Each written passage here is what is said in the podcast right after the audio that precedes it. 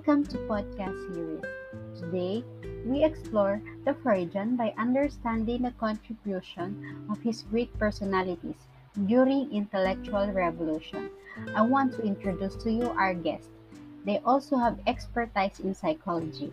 Here are Dr. Kyle, Dr. Jasmine, and Dr. Shine, who identified the paradigm shifts in history and also to help us to know the articulation of ways by which society transforms by science and technology and society.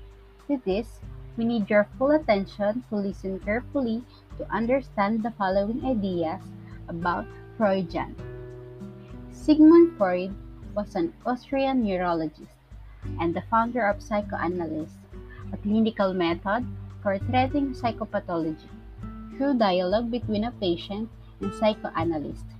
In order for the listener to understand the different terms, here are the guests who are expert in psychology. Let us first know the meaning of psychoanalyst through the knowledge of our first three guests, none other than Dr. Jasmine.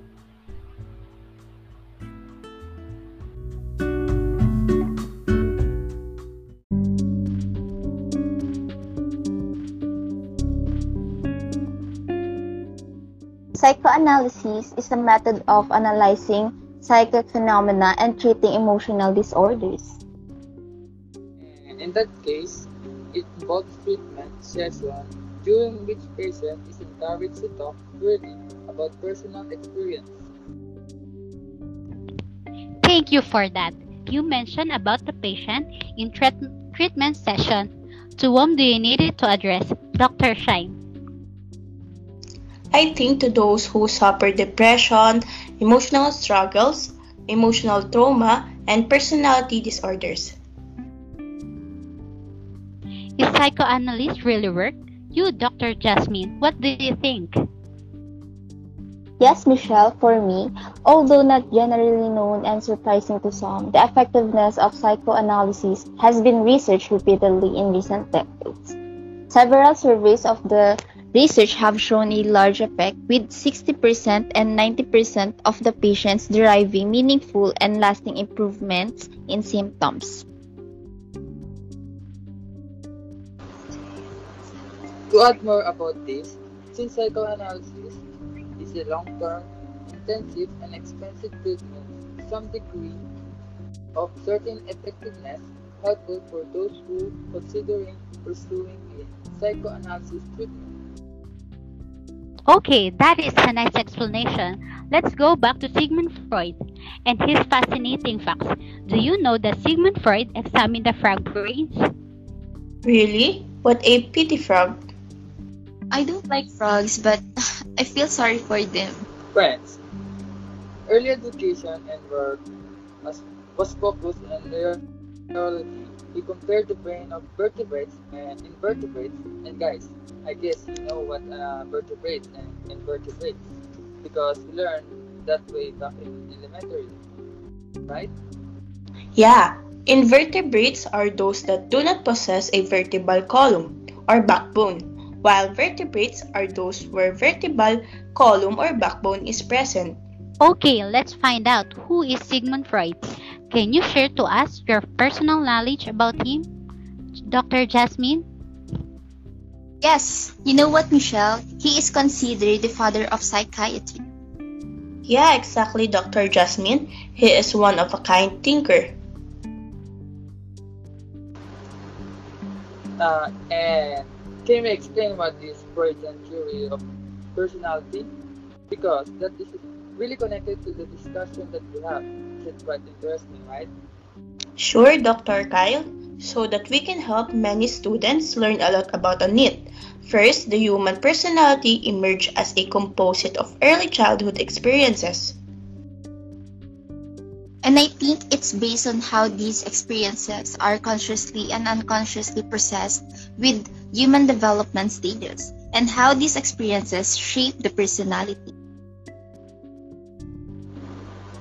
I just want to add, Bright Revolution may be viewed as the discovery of way locating in the mind objective entities which can be uh, can, can be studied like physical things. Yeah, Dr. Kyle, Freudian revolutions, I think it's an idea or a method of Sigmund Freud about people, thoughts, and feelings, their behavior, especially with respect to the causes and treatment of neurotic and psychopathic states, and also the interpretations of dreams. And he also developed a set of therapeutic techniques centered on talk therapy.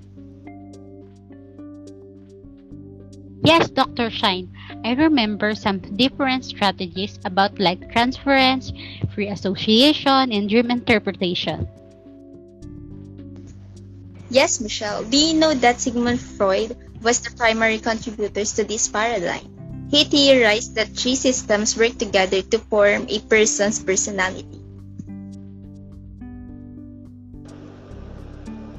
It is a dynamic system to modulate our behavior.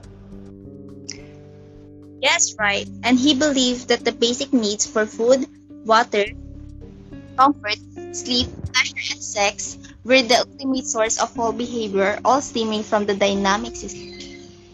Yes, Dr. Jasmine, it's the structural balance, and that balance the dynamic like mental structures of the id, ego, and superego that make up the system. Let's go on to Sigmund Freud and relate it to science. Okay, since that theory is all about personality, that's why he practiced the nerv- nervous and brain disorders. Yeah, exactly, Miss Michelle. And he published a book entitled The Psychopathology of Every Life, in which he theorized forgetfulness, also known as Freudian slip.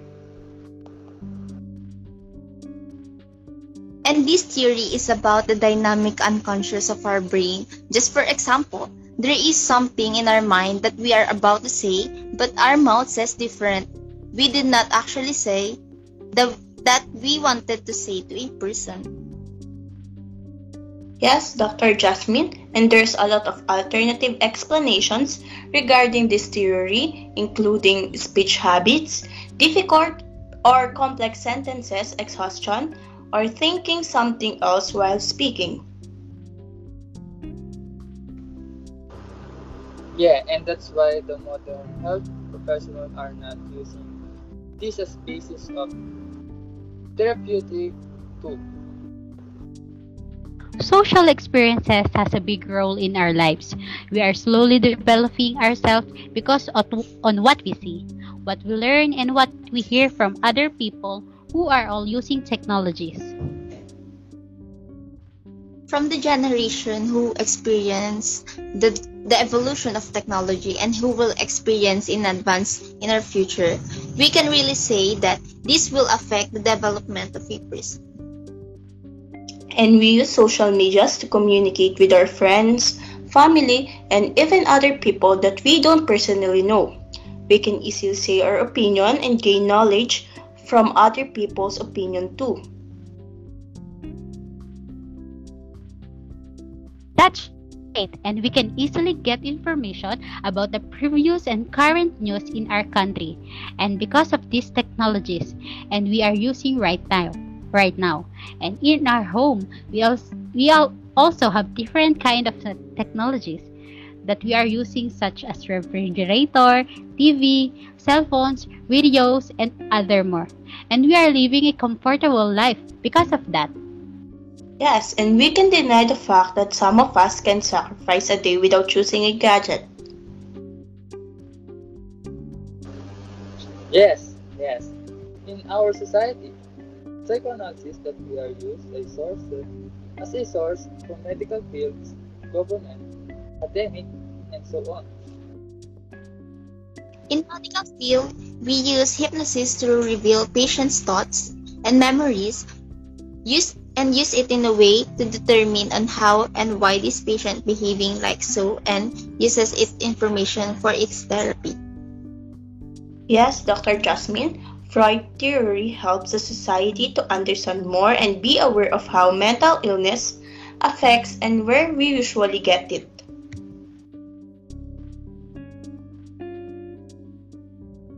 I I agree because he gave us a way to understand why a person react, had motives, and such a desire. Okay, that's all.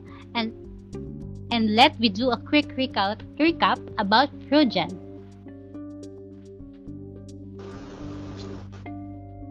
In summary, Sigmund Freud was an Australian neurologist and founder of psychoanalysis as a chemical method for treating psychopathology through dialogue between the patient and psychoanalyst. Freud was born to Galician in the Austrian Empire. He emphasized the importance of the unconscious mind and the primary assumptions of Freudian theory is that the unconscious that mind governs behavior to a great greater degree that, than people suspect. Indeed, Dr. Jasmine, the goal of psychoanalysis is to make the unconscious conscious. In addition to these two main components of the mind, Freudian theory also divides human personality up to three major components id, ego, and superego. The id is the most primitive part of personality that is the source of almost basic urges. Freud saw that the society creates mechanisms to ensure social control of human instinct. At the root of this controlling mechanism, he thought is the prohibition against incest.